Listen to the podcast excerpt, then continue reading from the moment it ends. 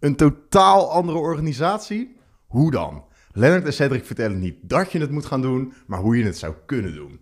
De podcast is opgenomen in de auto. Stap lekker bij zin. Hallo. Hallo! Zo, totaal onvoorbereid een podcast in. Yeah. Lennart, je weet nog niet waar we het over gaan hebben, over diversiteit. Oh, Echt? Dat, oh, dat Oh. wist je wel trouwens, als je goed hebt opgelet. En Oh ja, de vorige zei podcast. je het. Ja, ik heb het al verklapt. Eh, Ah, ook weer op verzoek van eh, een luisteraar. Eh, die kwamen wij tegen aan het einde van een congres. Precies. Eh, daar hadden we gesproken en die eh, vroeg ons daarna van joh, kunnen jullie het alsjeblieft ook eens een keer hebben over de verharding? Nou, daar hebben we het vorige podcast over gehad. En nu over diversiteit. Over diversiteit. Want eh, Diversiteit er van was wat? iets gebeurd bij haar in de organisatie. Ja. Ik zal, ze netjes de naam niet noemen. Daar is een situatie ontstaan dat er de jongere medewerkers die mochten de nieuwe management trainees uitkiezen. Ja. En die management trainees, die, ehm, ja, er waren acht plaatsen.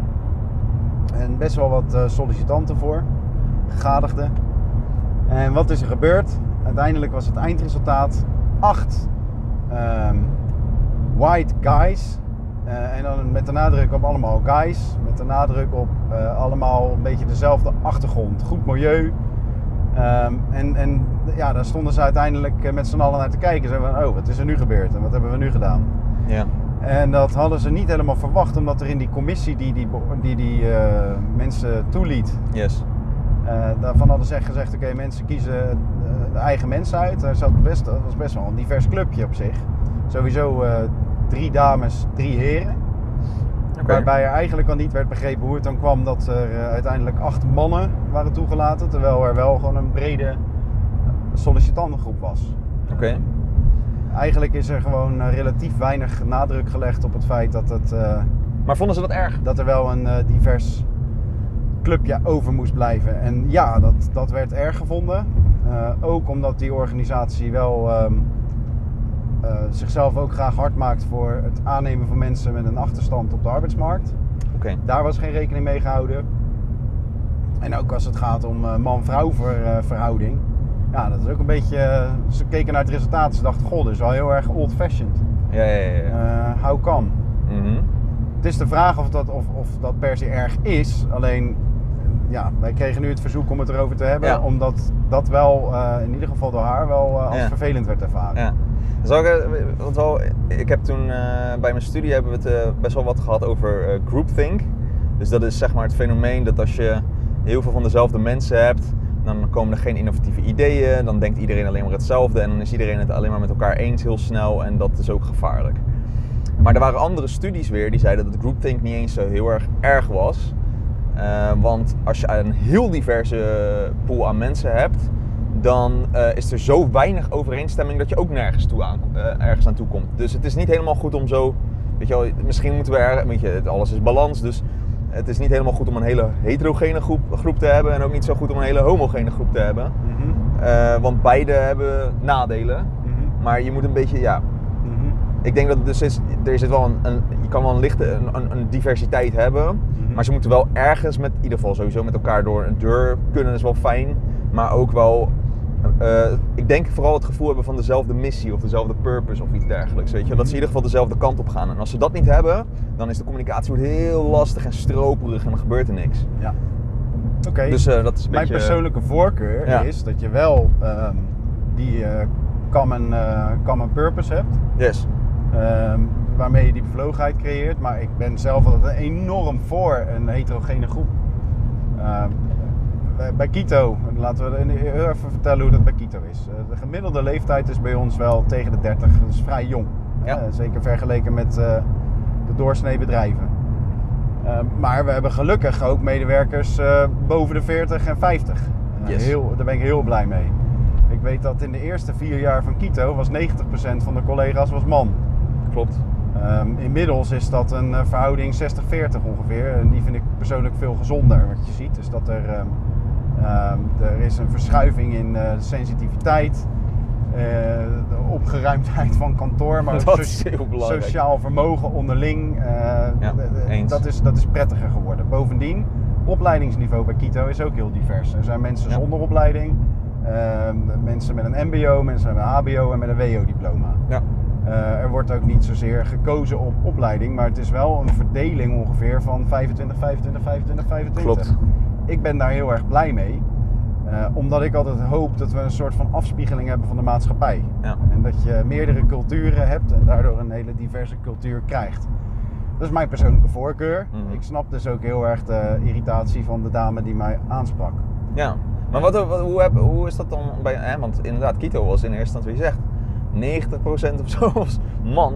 Ja. Eh, en eh, van, de, van, de, van de acht mensen, dus er was alsnog acht mannen. Ja. Dus, dus, maar hoeveel, ehm, Ja, hoe is dat gekomen? Er is toen op een gegeven moment echt heel erg bewust door de mannen gezegd van ja, eh, een beetje een engstebal hier.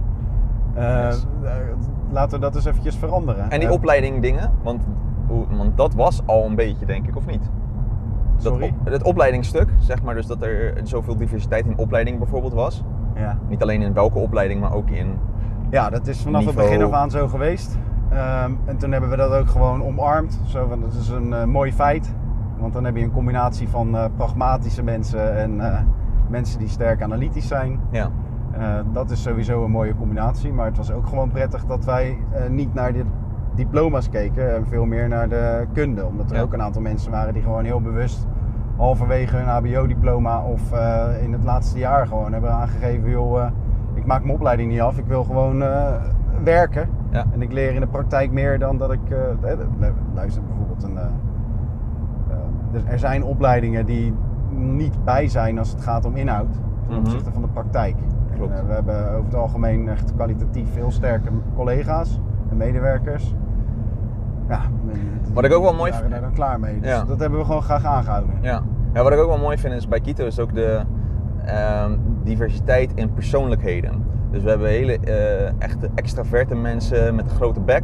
Mhm. Nou, daar zijn wij er twee waarschijnlijk van. Mhm. En dan heb je eh, de introverte mensen en die mogen gewoon ook, die doen gewoon mee en het is gewoon niet erg, ook als je even soms wat stiller bent. En We laten iedereen ook in zijn eigen waarde Voor de inderdaad. buitenwereld vaak een combinatie nerds en eh, creatievelingen en eh sales gerelateerde mensen. Dat, hè, dat, Ja. Even lekker stigmatiserend. Heel veel mensen begrijpen dan gelijk wat we bedoelen. Ja, Maar er is ook binnen de groep eh, technische mensen is er, een onderscheid tussen Grote sociale bekken, ja. en ehm, ja. Nou, gewoon introvert, extravert heel erg, weet je. En, en ik vind ook zelfs de introverten ook wel gewoon sociaal, alleen ze zijn wat stiller en soms. En eh, dat is helemaal niet erg, want ze zijn hard, ze doen hard hun best. Dus dat dat ook geaccepteerd wordt door iedereen. En wat ook wel mooi is, is dat de extraverte mensen die dan wel de grote bek hebben, ook wel regelmatig vragen naar de mening van de introverte mensen. En middels het adviesproces bijvoorbeeld. Dus dat zie je ook gebeuren. En ook omdat collega's elkaars, weet je, collega's collega's aannemen. Heel vaak zie je wel dat ze een beetje zoeken naar. Ja, we hebben nu eigenlijk weer even iemand nodig die niet zo. die meer misschien theoretisch is in plaats van pragmatisch of andersom. En eh, daarmee ontstaat er al een beetje de diversiteit. Gewoon omdat mensen een beetje aanvoelen. Heb ik het idee van, oh, we hebben nu echt wel dit nodig. Want als we nog een keer een Cedric of een Lennart hebben, dan wordt het wel echt chaos. Dus eh, we hebben nu een beetje mensen nodig die ook daadwerkelijk goed, mega goed zijn en doorpakken. Maar eh, hoe kan het dan dat zo'n eh, groepje van zes gewoon random acht eh, bijna soortgelijke mensen heeft aangenomen? Ja, dat hangt er heel erg vanaf waar ze op hebben geselecteerd. En als zij bijvoorbeeld ehm, toch naar cv's kijken of eh, eh, bepaalde skillsets. En dat ze vinden dat iemand inderdaad heel erg ja, wel een grote bek moet hebben of zoiets dergelijks. Assertief moet zijn. eh, dan kan het nog wel eens zijn dat je vaak dezelfde mensen inderdaad gaat krijgen. Ja, het waren jonge mensen die in die groep zaten. Die Ja, zich misschien nog iets te weinig bewust zijn. Dat is een aanname hoor. Misschien wat, minder, wat weinig bewust van eh, groepsdynamiek. Eh, en Ja. dat het daarom ook heel erg relevant is dat je daarin een interessante diversiteit in aanbrengt. Ehm, en Ja. wat, mij, eh, wat een- ook een andere oorzaak zou zijn wat mij betreft is... Het waren continu dezelfde zes mensen die gingen over de aanname van. Dus op het moment dat je continu in dezelfde groepsamenstelling de werving doet, ja dan kun je ervan uitgaan dat je ook continu hetzelfde resultaat krijgt. precies. Eerder. Zeker. Hè, dus wat er bij Kito gebeurt is, ja, wij hebben een eh, voortgangscommissie met mensen. Dat is een vloeibare commissie, daar stromen mensen in en uit. Die gaan ook over de salarissen van alle collega's.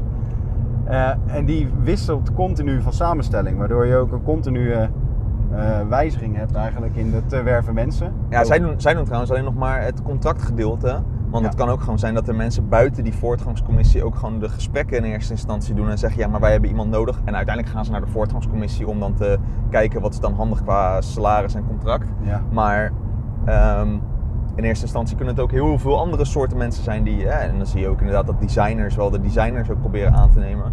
Eh, maar dit, dan pakken ze er soms ook nog wel eens een developer of een marketeer bij, omdat het dan toch vanuit een andere hoek Exact. even wordt Dus gekeken. Dat is, dat is een van de redenen waarom die diversiteit bij ons wel is aangebracht. Een andere belangrijke reden waardoor dat is gekomen. Ehm, wij hebben de- de- het, het MVO-stuk bij Kito, dus het maatschappelijk verantwoord ondernemen. En het eh, kansen geven aan andere groepen mensen of mensen met wat meer afstand naar de arbeidsmarkt. Dat is behoorlijk goed doordrongen bij de hele groep. Dus we hebben ook eh, deelgenomen aan de regionale MVO-trofee, zeg maar. Nou, daar zijn we uiteindelijk niet bij de laatste drie geëindigd, omdat wij... eh, nou, we hadden er geen goed structureel beleid op. Nou, dat hebben we ook inderdaad niet bij Kito, structureel beleid. Wat is dat? Ja, precies. Maar wij hebben wel al heel vaak. ehm, nou, ik, ik kan me nog goed eh, eh, Kamal herinneren. Die zat echt met, eh, met, met schuim in zijn mondhoeken. Was hij ongelooflijk hard bezig om een stage te vinden. Dat was niet heel erg makkelijk voor hem. Hij had een heel zwaar Marokkaans accent. Ehm, voelde zichzelf toch al een klein beetje eh, minder kansrijk. Dus was Ja. ontzettend nerveus. Eh, wij waren alleen maar juist heel erg blij dat wij eh, Kamal dan een kans konden geven. En die was ongelooflijk sterk. Die heeft een Ja. waanzinnige stageperiode gehad. Kon, hij kreeg daarna een hele goede carrièrekans en is daarop ingegaan. Dus, eh, Supergoed. is niet bij Kito gebleven, maar iedereen was fan van hem. Een keer een Syrische vluchteling hebben we een kans gegeven. Ja, heeft- man, dat was geweldige eh, gast, zeg. Precies. En die heeft eh, acht maanden bij ons gewerkt en heeft daarna een hele... hele Zijn hele- Nederlands ging ook zo goed. Dat was zo leuk om te zien. Want hij was zo hard aan het bezig ook met zijn Nederlands. Dat was echt leuk. En we hebben dat zo vaak meegemaakt in onze rela- relatief kleine setting, hè? een groep van 20 tot 40 man, dat iedereen zich eh, heel erg bewust is geweest van wat Ja. je dan doet voor een mensenleven. Ja. Bovendien hebben wij een continu instroomtraject van eh, mensen via het regionale participatiebedrijf. Van vier mensen die op contentcreatie worden getraind en op die manier terug worden gebracht naar de arbeidsmarkt. Dus dat, het is over de hele breedte van de organisatie is het doordrongen dat dat een relevant onderwerp is. En wat Ja. je dan krijgt, is dat die mensen die dus eh, over het aannemen van nieuwe collega's gaan, zich meer bewust zijn van de relevantie daarvan. Ja, ik, ik ben wel, ik, mijn mening is wel dat ik ben niet zo'n heel erg voorstander van een soort de positieve discriminatieachtige dingetjes. Hè, dus dat je maar per se dan eh, Ik wel, ik ben enorm... een, minderheid of zo moet, moet aannemen ten opzichte van iemand die gewoon daadwerkelijk beter is of beter past bij de organisatie. Dan vind ik het toch dat je niet dat zo heel erg moet voor. Het moet een beetje natuurlijk ontstaan of zo. En ik vind het ook wel oké als je het er gewoon een keertje wel over hebt. Ik en de discussie een blijft enorme voeren. sociale, sociaal ventje te zijn. Ik snap niet dat jij VVD stemt. Nee, eh, heb, heb gestemd, daar ben ik ook mee opgehouden. Maar goed, ja, diversiteit. Ik denk, eh, het is belangrijk in een bepaalde mate, eh, maar niet te ver doorgeslagen, Mhm. zou mijn mening zijn. En jij denkt dat het heel erg goed is. Ja, eh, ik denk dat Kito dat op zich wel aardig doet. Ja, ik Eh, vind het... eh, ja, dat, eh, En diversiteit vind ik ook in heel veel verschillende vlakken. ik Persoonlijkheid. Vind het super, slim als je een afspiegeling hebt van de hele maatschappij. Ja. Eh, en je, wij worden geacht om andere bedrijven te helpen. Je kunt je makkelijker kun je, je, ehm, inleven in een andere klant op het moment dat je heel veel verschillende kleuren in je bedrijf hebt. Dus je bent adaptiever als het gaat om het lezen van klanten. Klopt. Ik vind je ook creatiever op het moment dat je veel culturen intern laat clashen. Eh, en op het moment dat je binnen een groep developers ook heel veel verschillende kleuren hebt, dan krijg je wat dat betreft ook gewoon meer innovatief vermogen, omdat mensen elkaar aansteken met elkaars instellingen en, eh, en gedachtegoed. Ja, Ik vind dat zo, ik, ja, dat. mega voor. Oké, Ja. Nou, eh, duidelijk eh, verhaal. Plaats van bestemming, twee takeaways voor de dame in kwestie. Groetjes bij deze trouwens. Ehm, wisselende samenstelling van mensen die daadwerkelijk over de werving gaan. En goed doordrongen zijn van datgene wat de organisatie echt wil. En nodig heeft. Dus kies niet te veel eh, op, op basis van de lijntjes en het exacte profiel. Want dan krijg je ook gewoon precies dat. Precies. Oké, joe, doei. Doei!